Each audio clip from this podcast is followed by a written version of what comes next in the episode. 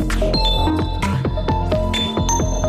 Amb aquest debat sobre l'obligatorietat o no de la vacuna hem arribat a un quart de tres conseqüències de la pandèmia. La primera, l'Ajuntament de Calonja i Sant Antoni reclama tornar al toc de queda perquè considera inaguantable i incontrolable la situació provocada pels botellons i actes vandàlics durant les nits. De moment, segueix l'exemple de Palafrugell i decideix tancar les platges de matinada davant els robatoris, baralles i concentracions de joves del cap de setmana.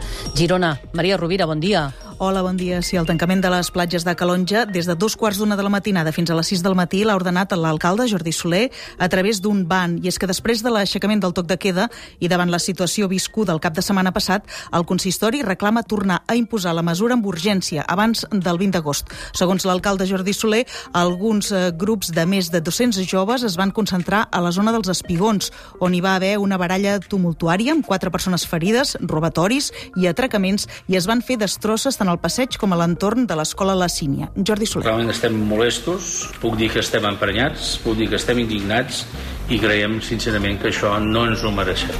I per tant demanem que se'ns confini.